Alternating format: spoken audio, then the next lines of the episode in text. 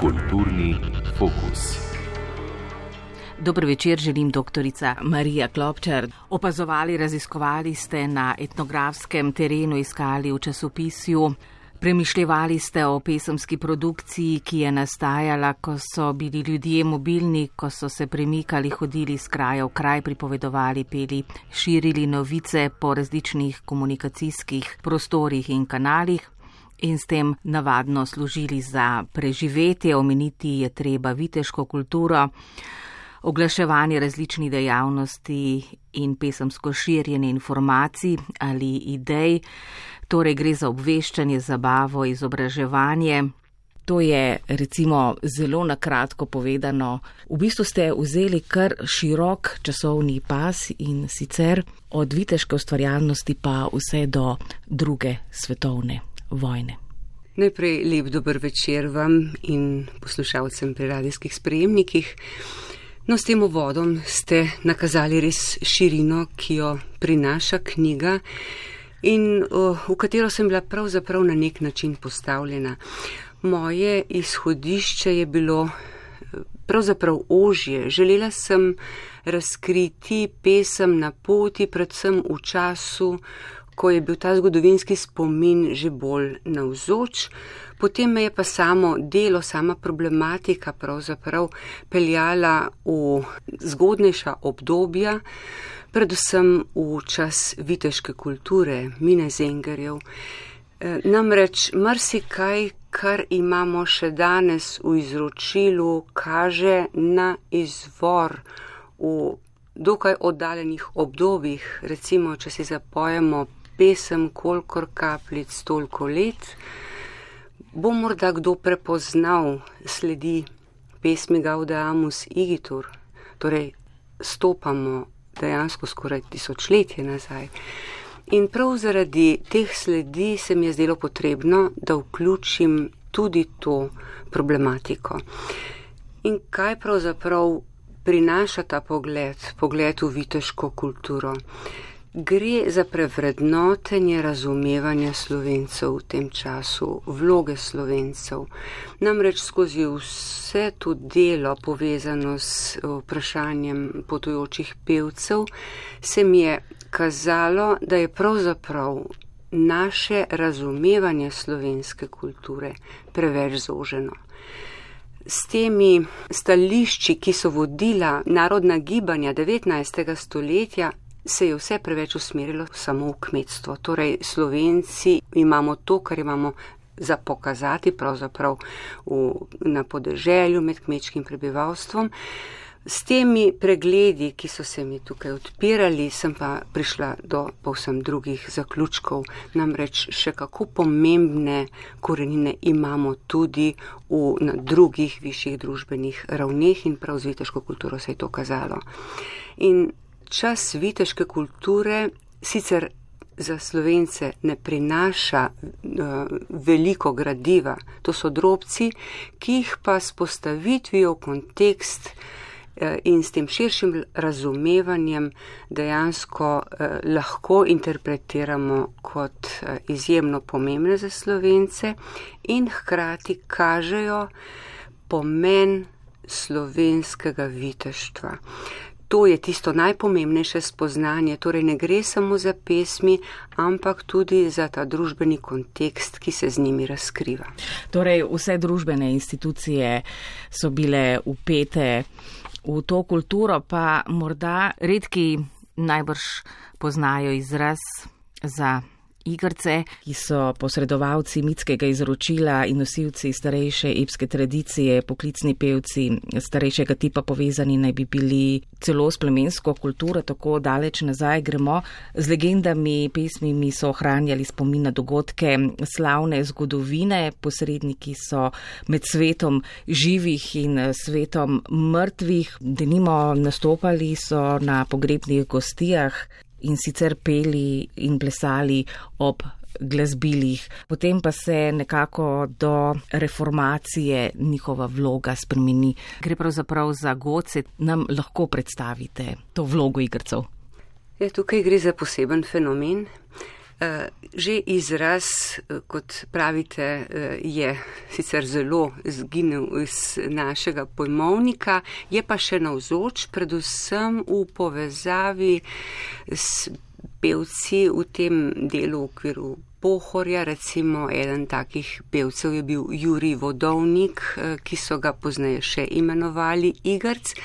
Sicer je pa izraz ohranjen v mačarskem jeziku, kjer pomeni srednjeveškega pevca, kar je zelo zanimivo. No in kot navajate, gre pri igrcu res za združevanje teh uh, glasbe in pa obredne vloge. Torej, to dvoje se je pri slovencih izrazito prepletalo in se izražalo skozi vlogo igrcev, torej glasbenikov, ki so imeli v družbi izjemen pomen. To kaže tudi na uh, strukturo te družbe in pa hkrati na razsežnosti teh, tega njihovega presežnega, torej glasba in obrednost sta se povezovali, hkrati pa tudi veselje. Igrc je nekdo, ki prinaša radost in pa seveda tudi ta obredna sporočila. In do reformacije se vloga igrcev spremeni, ker se seveda spreminja družba sama in v Trubarjevem uh, besednjaku to, ta pojem najdemo v izrazito slabšalnem pomenu, torej človek uh, zavezan samo zabavi, ničesar vrednega ni uh, v povezavi z njim, tako da se dejansko ta pogled predrugači se pa ohranja vsaj tem vzhodnem delu na Štajerskem še v tej vlogi, tako da imamo recimo tudi pesem Popotni igrci iz 19. stoletja. Je pa zanimivo, da so vlogo igrcev do neke mere prevzeli ljudje z družbenega obrobja, slepi, berači in so ohranjali tako pesmi kot ta obredna uh, sporočila oziroma uh, opravila, so jih marsikje klicali k določenim obredjem, torej so imeli poseben pomen v družbi in tukaj se kaže neka kontinuiteta, ki je potekala skozi stoletja. Da nima posebno vlogo so seveda imeli tudi študenti in kot ste rekli, prevzamejo to vlogo ljudje z družbenega obrobja, berači. Kakšno mesto ima najbogatejša morda zbirka srednjeveške posvetne lirike Karmina Burana? No, za slovence je vsekakor pomembna, gre za ustvarjalnost, ki se je povezovala s tem južnim robom nemško govorečega prostora, torej se je stikala s slovenskim prostorom in kar nekaj pričevanj je, da so imeli slovenci tudi duhovščina pri tem pomembno vlogo. Gre za neke prepovedi, ki so usmerjale ravnanje oziroma sprejemanja teh študentov, namreč v zadju je, kot ste že sami omenili, prej ustvarjalnost študentov. Mi si svojo preteklost predstavljamo kot nekaj zelo resnega in prav skozi razbiranja poti potujočih pevcev se je pokazalo, da so naše pesmi v preteklosti izjemno povezane z veseljem, tudi s bitjem, torej združenji, ki so se potem prenašala iz uh, roda v rod oziroma ta sporočila, pesenska sporočila. Del tega je zajet seveda v Karmini Burani, ki uh, ne kaže jezikovno neposredno na vzočnosti slovencev, iz tega konteksta je pa teh pričevanj kar nekaj. Torej, nosilci teh dejavnosti so bili, kot že rečeno, trubaduri, berači, in pa denimo med potujoče pevce bi lahko rekli, da sodijo tudi semarski pevci, ki so bili pri nas sicer vse čas se zdi dojemani kot nekaj obrobnega, nepomembnega, vendar le z njimi je povezana tudi denimo pisana beseda, ki je bila obravnavana na letakih. Kakšne pesemske ali pripovedne vsebine so bile to? To so bili če lahko tako rečemo, začetki tudi medijske kulture. vsekakor. Seveda gre pa pri tem eh, vprašanju, ki ga tukaj odpirate, za uh, velik časovni preskok. Če pogledamo čas viteške kulture, imamo tam sledi, ki imajo povsem drugo raven, torej za vključevanje slovenščine v petje minezengerjev, ki je pričevalno in za nas seveda zelo pomembno. V času tiska se pa ti prostori spremenijo, seveda se spremeni tudi družba in takrat se pojavijo pesenski letaki, z njimi pa tudi nosilci te in razširjevalci te dejavnosti, torej sejmarski pevci. Eh, seveda niso edini, ki so jih zaznamovali pesemski letaki, namreč marsikaj, kar se je tiskalo na letakih, je bilo namenjeno uradnemu obveščanju, eh, to je čas eh, turških upadov in pa te grozeče nevarnosti in so prek letakov seveda obveščevalci obveščali Evropo, slovenski prostor je bil v tem ključen, saj je prostor med tema dvema svetovama, torej med Otomanskim cesarstvom in pa Srednjo Evropo. Po drugi strani se pa s tiskom odpre možnost za ljudi, ki so imeli po eni strani sposobnost eh, javnega nastopanja in pa hkrati tudi nekako jih je družba postavila v ta položaj, da so morali iskati nek dodaten zaslužek. In to so bile okoliščine, ki so ustvarile sejmarske pevce. Torej, sejmarski pevci so ljudje, ki so razne novice s pesmimi, pogosto natisenimi tudi na letakih in pa s uh, sliko, torej slikami na platnu, širili pesemske novice, tam, kjer je bilo veliko ljudi, največkrat je bilo to na sejmih. In to je dejansko začetek nekega medijskega sporočanja v najširšem smislu.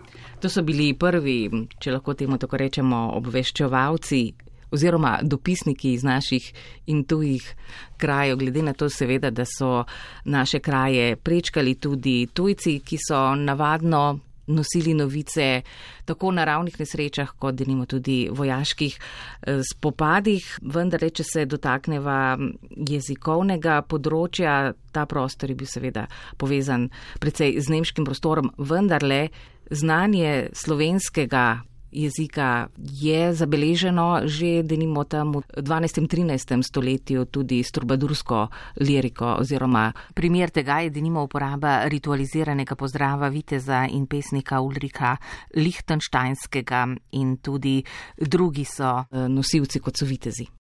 Ja, če gledamo sam jezik, so ta pričevanja ustvarjalnosti mine zengerjev izjemno pomembna, čeprav so skromna. Gre namreč po eni strani za izjemno pomemben pozdrav mine zengerja Ulrika Lichtensteinskega, ki ga je pri vratih v Zilski dolini pozdravil koroški vojvoda Bernard Spenheimski s stotnijo vitezov s eh, frazo oziroma s tem pozdravom Bog vas primi, gralva Venus, eh, Bog vas spremi, kraljeva Venera. Torej, šlo je za pozdrav, ritualizirani pozdrav, ki je imel s to slovensko podobo izjemen pomen. Potem gre še za nekaj drobcev v tem času. Zelo pomembno je tudi, kar se je izkazalo skozi raziskavo, da je tudi naša nekako simbolno izpostavljena pripovedna pesem Pegam in Lambergar, pravzaprav pesem, ki se nanaša na ta čas, na znamenito bitko oziroma čas po bitki pri Dunaju leta 1278. Tako da eh, kaže resnično neko epsko ustvarjalnost, ki se je v družbi umeščala v obveščanje, torej šlo je za obveščanje o slavnih dogodkih, česar se mi zdi se premalo, oziroma to do zdaj seveda ni bilo znano, ampak bi se res morali zavedati pomena tega pesemskega sporočanja, čeprav je pesem pozneje dobila številne druge primesi. Eh, zelo pomembno pa je tudi delo oziroma predvsem gre za dve pesmi južnotirolskega pesnika Osvalda Wolkensteinskega, ki je v začetku 15. stoletja v svoje pesmi vključeval tudi slovenščino. In slovenščina ima celo eni od teh dveh pesmi najpomembnejšo vlogo, torej mila žena. Gre torej za vprašanje vrednotenja oziroma umestitve slovenskega jezika v tedajni evropski prostor, ki je bilo bistveno pomembnejše, kot se si mi predstavljamo danes. In ta vloga se potem skozi stoletja spreminja. V 16. stoletju je imel slovenski jezik še dokaj pomembno vlogo, vidimo po teh sporočilih, ki so prihajala v Turkih in so šla skozi naš prostor. In seveda v tem okviru ne moremo zanemariti um, teh sprememb, ki so nemškemu jeziku podeljevala bistveno večjo vlogo skozi desetletja in so tudi iz teh javnih prostorov slovenski jezik izrinila. Zato imamo pri sejmarskih pevcih zelo poudarjen prav nemški jezik, čeprav je šlo to za neko zelo pogovorno nemščino, torej tako varianto, ki je bila eh, razumljiva širšemu okolju, tudi recimo pevci z Moravskega, z Češkega so prepevali v nemškem jeziku, delno so se tukaj resnično prilagajali trgu. Ker je uh, takšna pesem sestavljena v nemščini, nekako bila primerna za bistveno širši prostor in so se s tem nekako tudi tržno obnašali. No, iz eh, tega časa se je ohranil tudi izraz marski, ki ga še posebej izpostavljate in sicer gre za več zapisov o tem zgodovinskem dogodku, ki je bil potem seveda upesnjen, posredovan v prostor. Gre za, torej za to znano bitko na Marskem poli 1278. Ja, ohranila se je ta pesem. Izraz sam se je ohranil nekje do 19. stoletja, moravski so rekli, pač marski. Ne? Pravzaprav je bil ta izraz, ki ga nisem razumela, povod, da sem prišla do te bitke, ne? ker se je pojavljala neka bitka na Marskem polju v časopisju, veliko je bilo v tem pisanega v kmetijskih in rokodelskih novicah. In uh, sem pač želela razčistiti, zakaj pravzaprav gre in tako sem prišla do eh, te povezave. Ne. Eh, ta spomin se je ohranjal zaradi, delno tudi zaradi zakonitosti tega pesenskega izročila. Namreč pesem, kot jaz pač z tega konteksta sklepam, je dejansko nastala ob tem dogodku, torej po bitki, med eh, pripadniki oziroma to vojsko Rudolfa Habsburškega in pa vojsko tega otokarja drugega Přemisla, torej eh, napadalca, izzivalca, kjer so se Slovenci seveda opredelili za Habsburško stran in iz eh, nekih osebnih razlogov potem po bitki tudi premagali izzivalca. In kaj je ta povod, da se je zgodba ohranjala? Šlo je za junaštvo slovenskih vitezov in za njihovo družbeno moč, ki je v tej pesmi zelo jasno izražena.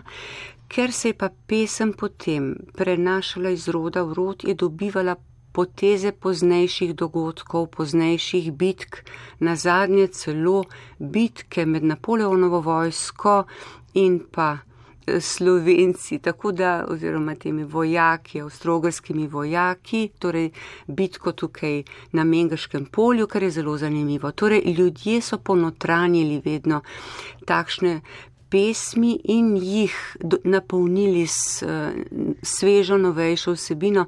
Namreč ta pesem je bila skozi stoletja sporočanje o nekih pomembnih dogodkih, tako kot so jih ljudje v določenem času razumeli oziroma doživljali in so jo prepevali moški. Tukaj ohranila se je res med ženami, med starejšimi ženami, ampak bila je obveščanje. To obveščanje ni potekalo samo na javnih mestih, na trgih, s sejmarskimi pevci, ampak so tudi te pripovedne pesmi prinašale obvestila, ker je šlo za neke dogodke, ki so imeli v določenem času eh, pomembno vlogo, torej nek družbeni ugled ali kakorkoli ne so zaznamovali tisti čas. Pegam pisal cesarju je, al maš junaka tacega, da bi se šel skušat z menoj. Če je blizi, pošli ponj, če je pa deleč, piši ponj, če je pa deleč, piši ponj. Cesar je pisal pisamce, dal ga je tičci v kljunčece, dal ga je tičci v kljunčece, nesla ga je Lambergarju. Lambergar je pismo prebral, Lambergar je pismo prebral. Oh, kaj je to, kako je to, da moram iti na vojsko, da moram iti na vojsko. Tako še mati govori, neč se naboj Lambergareti neč se nabojlam bergareti. Mi dva pa imava konča v štal, da je všenico rumeno, pije sladkore bolijo. Tako še mati govori, kaj ti pravim, lambergareti, kaj ti pravim, lambergareti. Pegam bomo pa tri glave, ne mahej po ta krajni jih, le mahej po ta sredini. Sedu mi je na konjiča, pa mi premočno zdirjata, da na Dunej prdirjata. Pegam pa prko sil sedi. Precej mužlica spest zleti, precej mužlica spest zleti, tako še pegam govori. Med zelo prepoznavnimi epskimi pesemskimi izročili je dolgoživ motiv ep Pegam in Lambergar, seveda lahko govorimo tudi o mitološkem ozadju, torej iz starejše vitiške pripovedne tradicije ostane kot ponarodev motiv med ljudmi, ko pa govorimo o določenih vojaških dogodkih, drugih tudi, kot ste sami povedali, se včasih sama melodija ne spreminja, da nimo, ko gre za pete pesmi, se pa vsebina spreminja, se pravi, to varira skozi zgodovino in pri tem so imeli veliko vlogo organisti. Zanima me pa tudi, kakšno vlogo imata recimo oba spola. Nekaj ste že prej povedali. Mislim, da ste nekje zapisali v knjigi, da bolj ko motiv postaje ljudski ponarodev, večjo vlogo imajo pri širjenju tega motiva ali vsebine ženske. Odprli ste zanimivo vprašanje vloge moških in žensk v pesenskem izročilu. Če pogledamo čas, ko so se pesmi zapisovale, se je veliko pesmi ohranilo prav med ženami. Torej, starejše žene so izjemne ohranjevalke izročila in so zapisovalcem pele tudi takšne pesmi, kot so Pegam in Lambergar, torej junaške, zgodovinske pesmi in tudi veliko vojaških. Kar pa seveda ne pomeni, da so v preteklosti to izročilo prenašali eh, žene daleč od tega, namreč pesmi so bile sporočila. Pesmi te vrste so sporočale novice o določenih dogodkih in so jih seveda prenašali tudi moški. O tem imamo jasna pričevanja. Eh, celo zato je šlo, da so te pesmi prihajale z bojišč s eh, temi odsluženimi vojaki, z vojnimi invalidi, ki so jih potem širili kot neka obvestila o dogajanju eh, daleč od eh, preprostih ljudi in so kot takšna obvestila še kako zanimala tudi moške. In moški so bili v tem obdobju prenašalci. Prej ste omenili, da so denimo določena sporočila o vojnah, vojaških eh, spopadih, dogajanju na različnih bojiščih širili, denimo tudi vojni invalidi. S tem so se preživljali. Ja, v prvi vrsti je šlo pri teh sporočilih z bojišč resnično za vojne invalide. Ljudje, ki so utrpeli katerokoli poškodbo, ki jih je onesposobila za nadaljne bojevanje, so bili seveda prisiljeni, da so se sami služili kruh in oblast jim je to uredila na ta način, da so smeli potovati po deželi in prepevati te pesmi. Veliko krat je šlo pri tem za slepe, slepi so pa tudi sicer bili nosilci tega eh, sporočanja. Pri tem slovenci nismo izjema, namreč šlo je za podoben pojav v vsem evropskem prostoru, ker je šlo seveda za podobne okoliščine. In uh, veliko vlogo so imeli pri tem po eni strani vojaki sami, ki so se izobraževali, torej s temi pesmimi opremili v vojašnicah, tam se je to generiralo. Ne? Torej, v tem okolju so nastajale pesmi, ki so potem prenašale novice z bojišč in so jih v veliki meri prenašali prav ti vojni invalidi. Po drugi strani je šlo za samostane. Samostani so izrazito skrbeli za uboge, predvsem za slepe in jih tudi izobraževali v tem. Torej, pesmi o raznih svetnikih so nastajale pa v tem okolju, torej v povezavi s samostani, ne samo pri nas, temveč tudi drugot, ponekod je to zelo, zelo jasno izpričano, recimo pri Srbih je šlo za Fruško goro, torej za uh, izjemno vlogo, ki je potem opremljala slepe za samostojno življenje. Ti pojavi so bili, oziroma ta možnost, da so si na ta način služili kruh, gre pa seveda pri tem za, ne za naš prostor, ampak za uh, druge slovanske prostore, da so celo namerno oslepili otroka, da je lahko s petjem služil kruh za družino. Ni bilo pa to seveda pri nas, je pa izpričano ponekod drugot. No, morda bi tukaj tako mimo grede omenili še en drug pojav. Mislim, da v Vipavski dolini je bil pisar navadno najmlajši otrok. Tukaj najbrž ne gre za oslepitev, glede na to, da je bil pismen. Gre za vaške kroniste, ki so pisali o navadnih dogodkih, letinah in seveda tudi o najrazličnejših nesrečah. Med te nesreče seveda naravne sodijo tudi potresi. Najbolj znana sta bila seveda dva potresa. Eden je bil v 14. stoletju, drug pa v začetku 16. stoletja 1500. 11 znanje kot idrijski ali ljubljanski potres. Koliko pravzaprav so te različne pesmi pomembne za to, da so se ohranili določeni toponimi, določena imena do današnjih dni, glede na to, da seveda je bilo veliko gradov in crkva porušenih, da so otekale jezera, da, da se je spreminjala krajina zaradi teh potresov. Oba potresa sta bila dejansko zelo rušilna in je precejšnje število ljudi tudi umrlo. Ja, tukaj ste odprli kar nekaj vprašanj, mogoče samo na kratko o teh pisarjih, ki ste jih omenili, ki so dokumentirani v Vipavski dolini.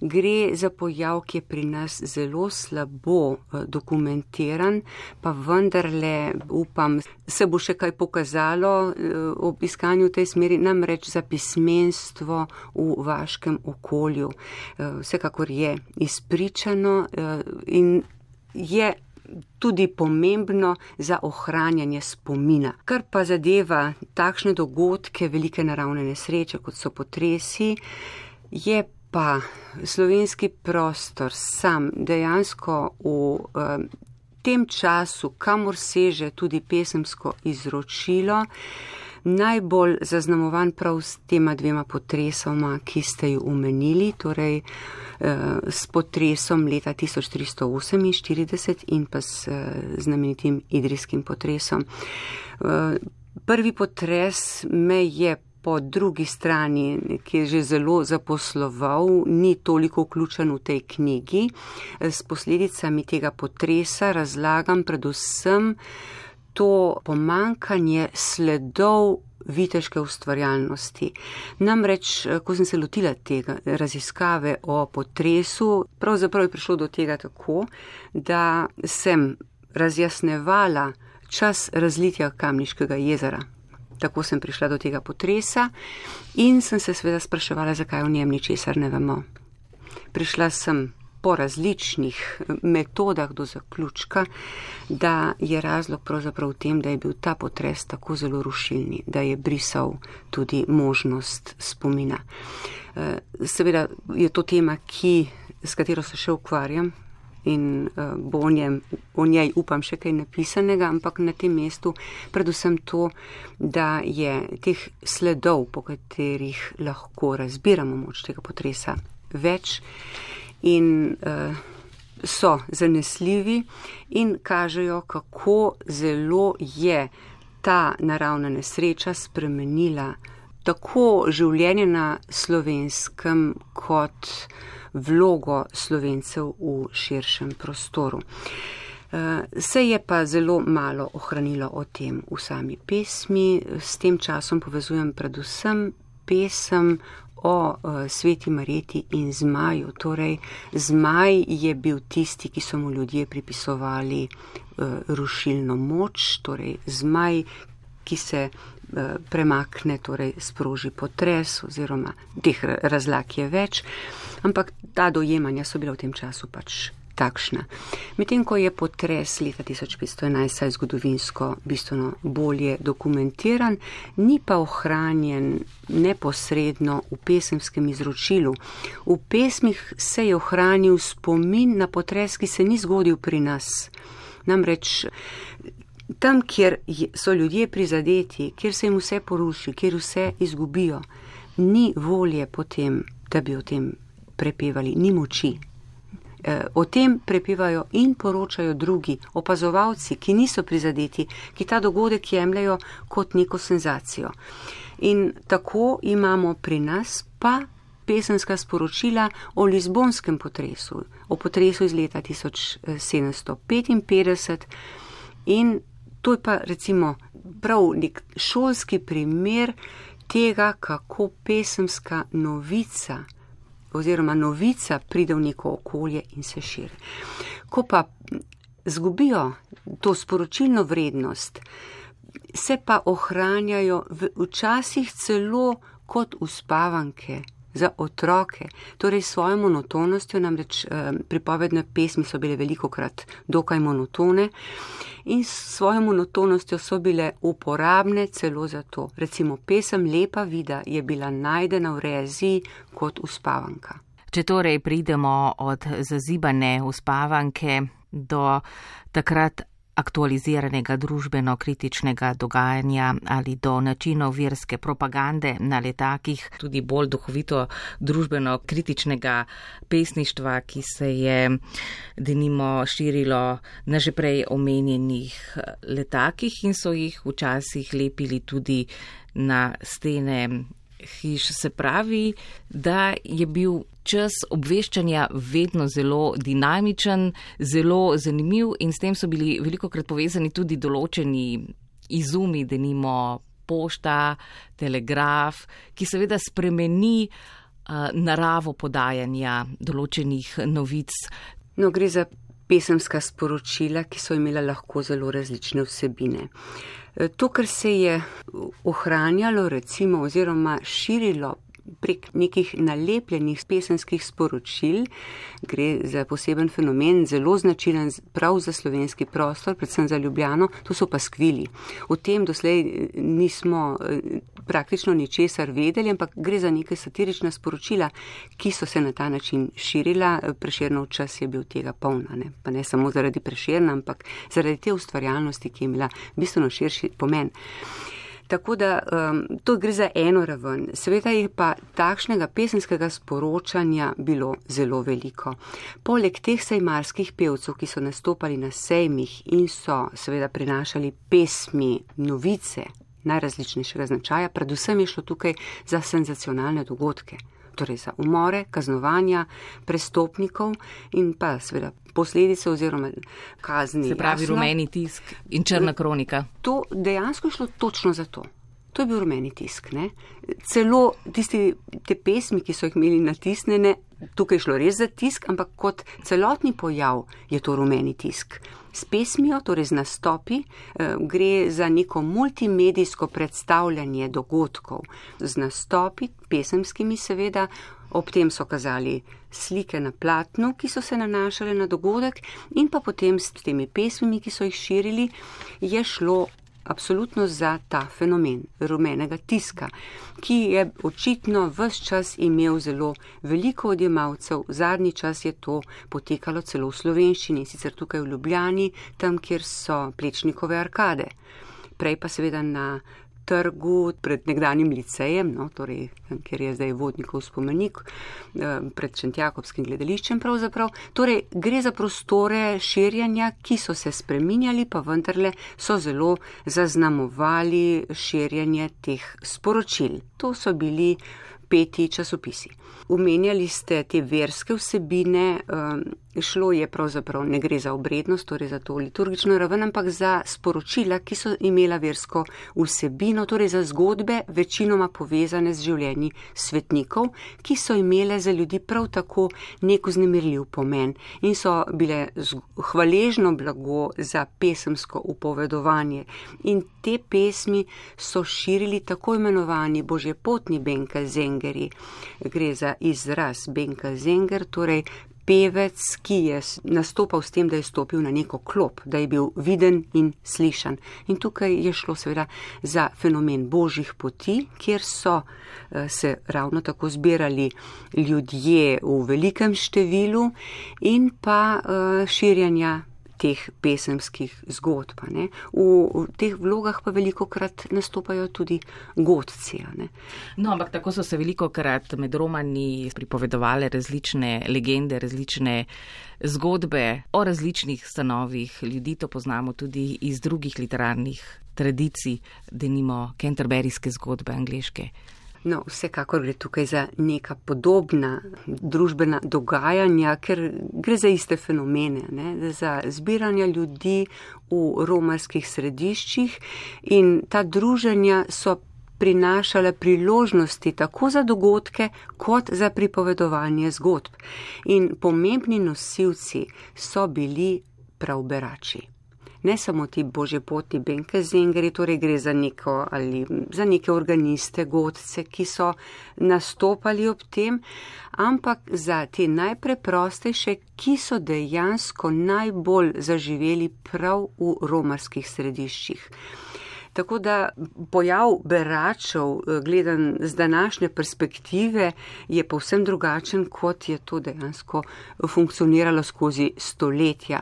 To je, bilo, to je bil njihov prostor, zato ker so bili tam vedno obdarjeni, hkrati je pa tudi veljalo neko pravilo, da na romanjih pojejo zgodbe o svetnikih, o tem imamo prav pričevanje zadnjega godca iz Bele krajine, zadnjega guslarja, ki je pripovedoval o tem, da če poje v romarskih središčih, kot so bile tri fare v Metliki, kjer je bilo tudi tako pomembno središče, mora peti pesmi o svetnikih, torej pesmi z neko versko vzgojno poanto.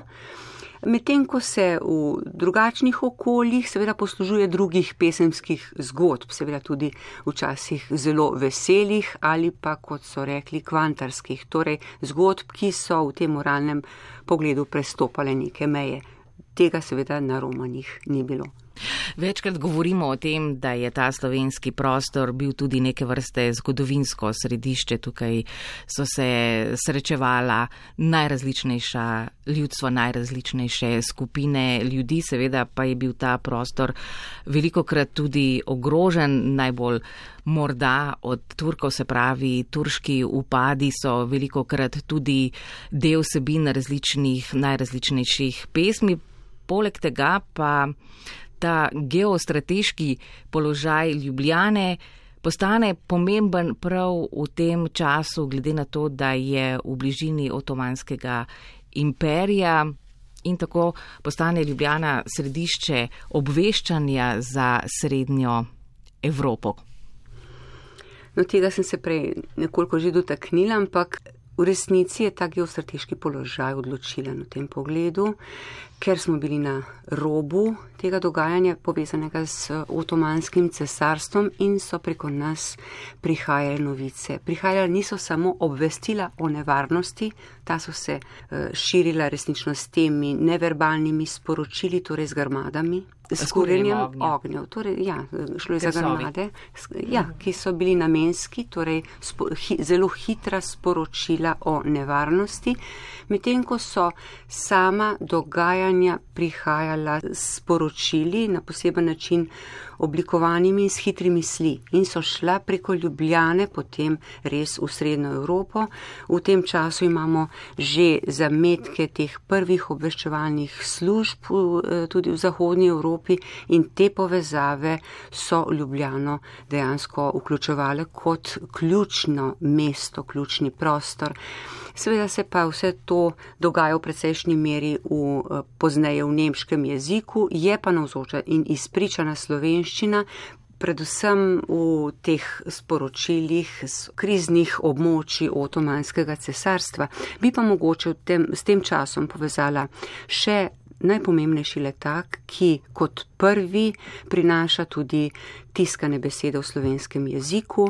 Gre za kmečki upor leta 1515 in to sporočilo je na nek način ne samo šokantno, gre namreč za to, da so upor slovenskih kmetov interpretirali kot grozodejstvo, torej na isti način kot tiste umore, ki so bili potem eh, povod za kaznovanja prestopnikov, torej tudi slovenski upor je razumljen na ta način in letak prinaša tudi slovenske besede eh, levkup, levkup, levkup eh, Boga Gmajna in pa stara pravda, kar seveda jasno kaže ne samo na navzočnost in pomen slovenščine, ampak tudi na vlogo slovenskega jezika v tem pesemskem izražanju upora. Torej, mobilizacija slovenskega upora je bila naslonjena tudi na takšne pesmi, ki so eh, ljudi spodbujale k temu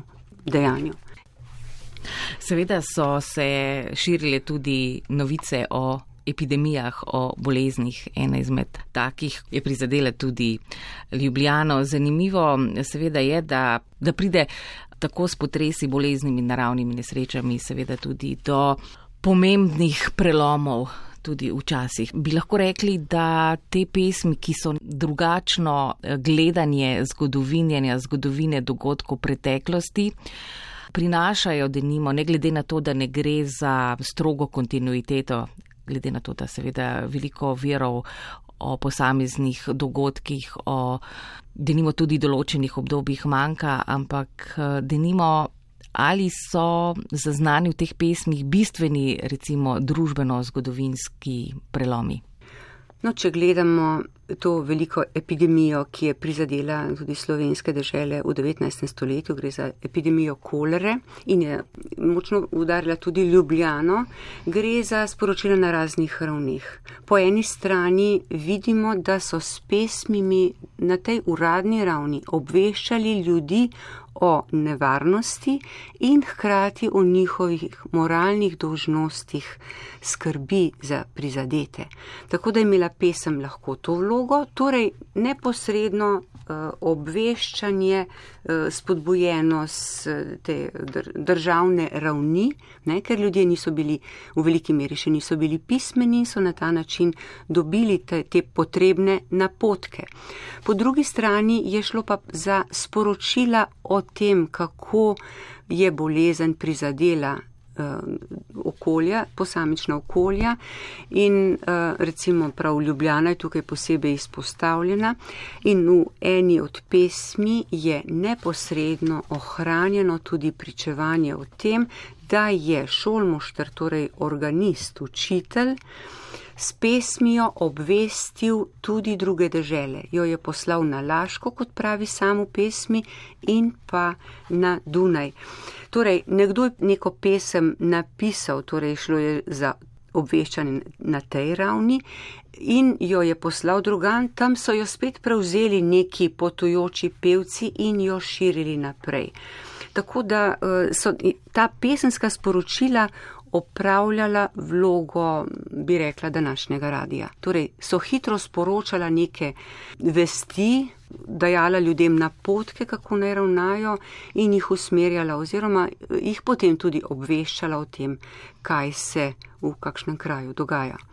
No, zanimivo pa je, da nimo tudi to, da več, ko je novic in hitreje, ko se širijo, bolj se tudi pozabljajo. O tem govori denimo 19. stoletje, ko seveda pride do najrazličnejših izumov. Tisk seveda se izumi že veliko prej, tudi telegraf.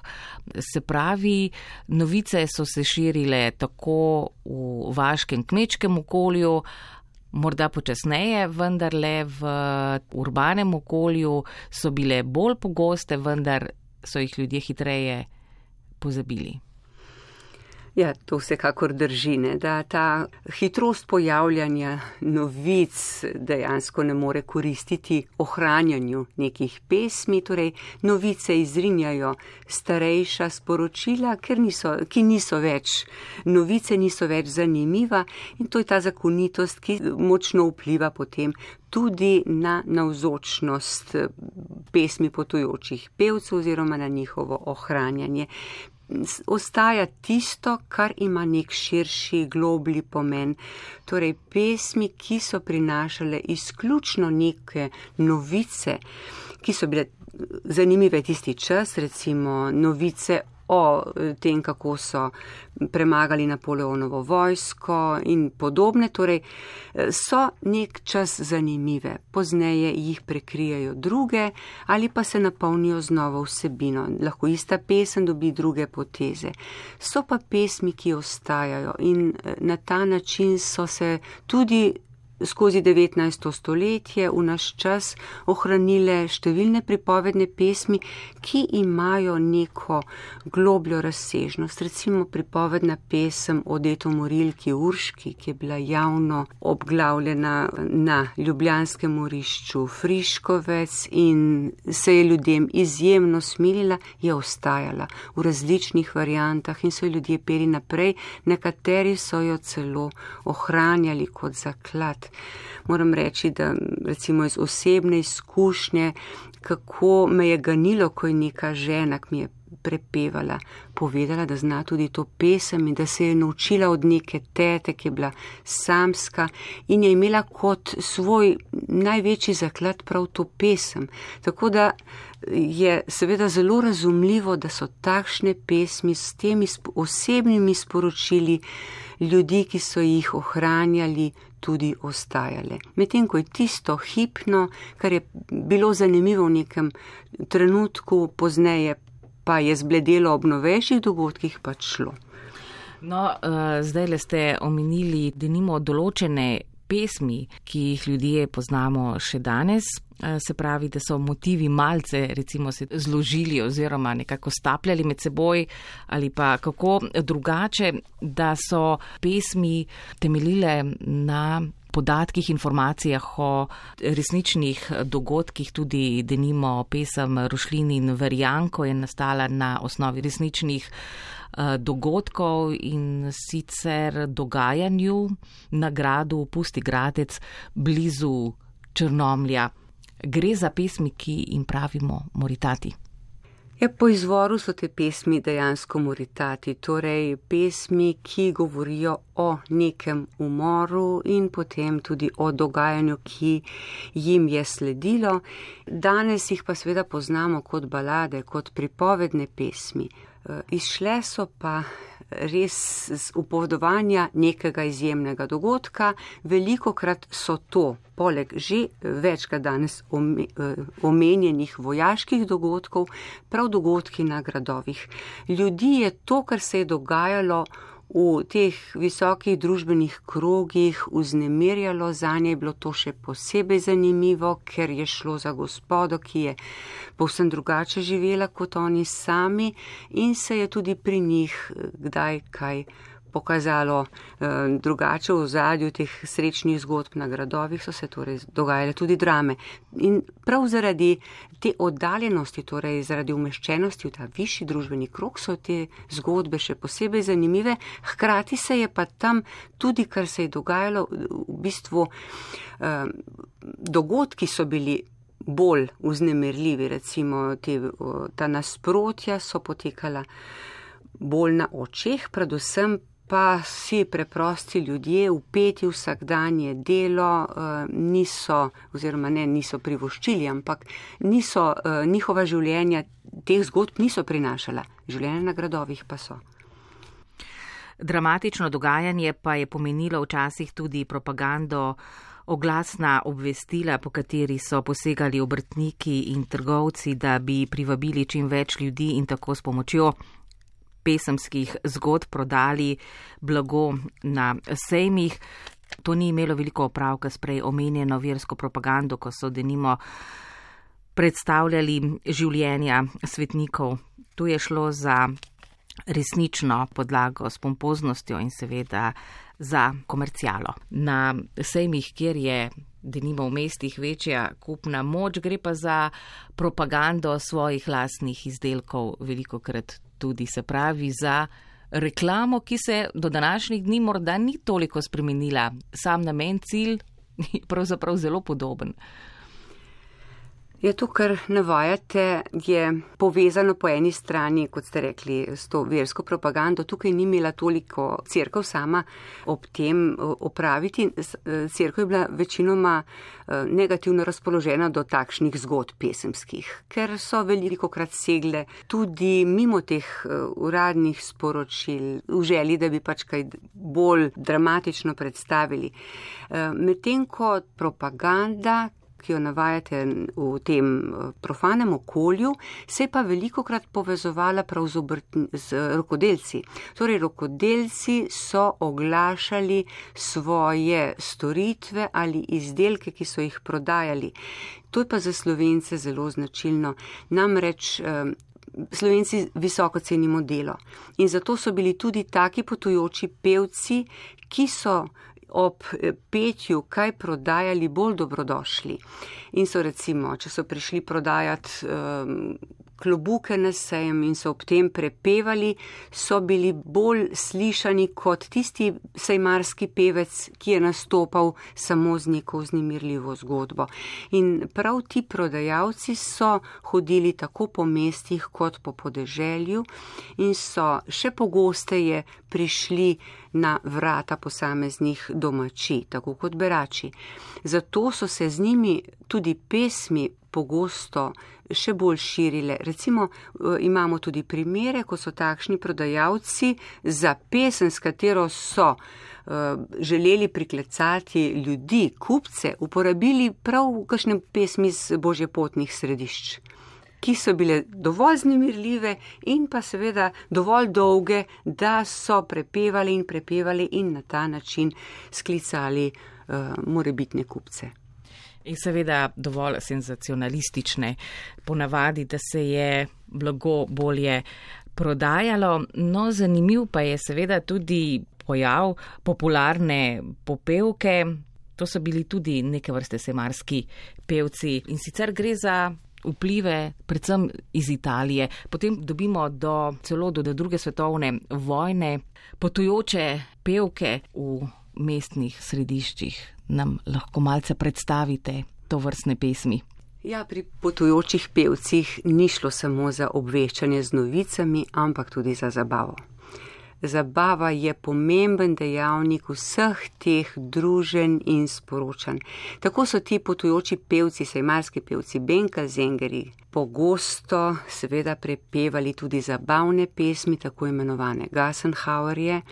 Eh, res je, da je veliko teh pesmi prihajalo tudi iz tega italijansko govorečega območja, sam pojav je pa širši, že izraz je nemški, torej vsta prostor pozna tudi zelo zabavno raven, ki je moralno včasih bila za marsikoga kočljiva, pa vendarle je imela v, predvsem gre tukaj za mesta, izjemno pomembno vlogo. In v mestih se ta pojav ohrani tudi potem, ko ti Benke Zengeri niso več nastopali na sejmih, torej kot ste omenili s pevkami po gostilnah eh, s tako imenovanimi hauzercami.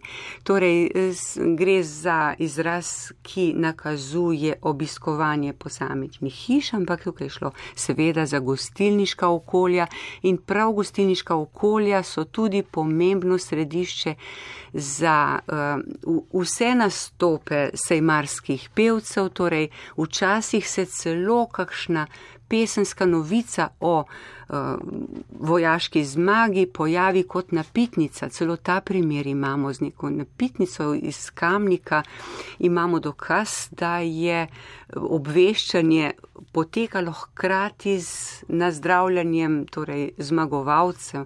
Tako da je um, tudi na tej ravni zelo jasno, da smo imeli Slovenci v preteklosti to izročilo, to ustvarjalnost izjemno, izjemno bogato in če se je potem vse skupaj preneslo na neko obveščanje po novih medijih, imamo vendarle dokaze, da je to, kar nam danes prinaša časopis, na nek način v tiskano besedo prenešeno to, kar smo poznali že v preteklosti. Po eni strani gre za ta uh, obvestila politična, ne? v pripovednih pesmih imamo sporočila z bojišč, torej sporočanja o teh dogodkih, potem gre za razdelek o domačih krajih, razni dogodki, dežele od gradov do beračev, tudi za to raven kulture, recimo ta sporočila povezana z božepotnimi središči, imajo to raven nečesa presežnega, potem pa seveda zelo močan razdelek zabave.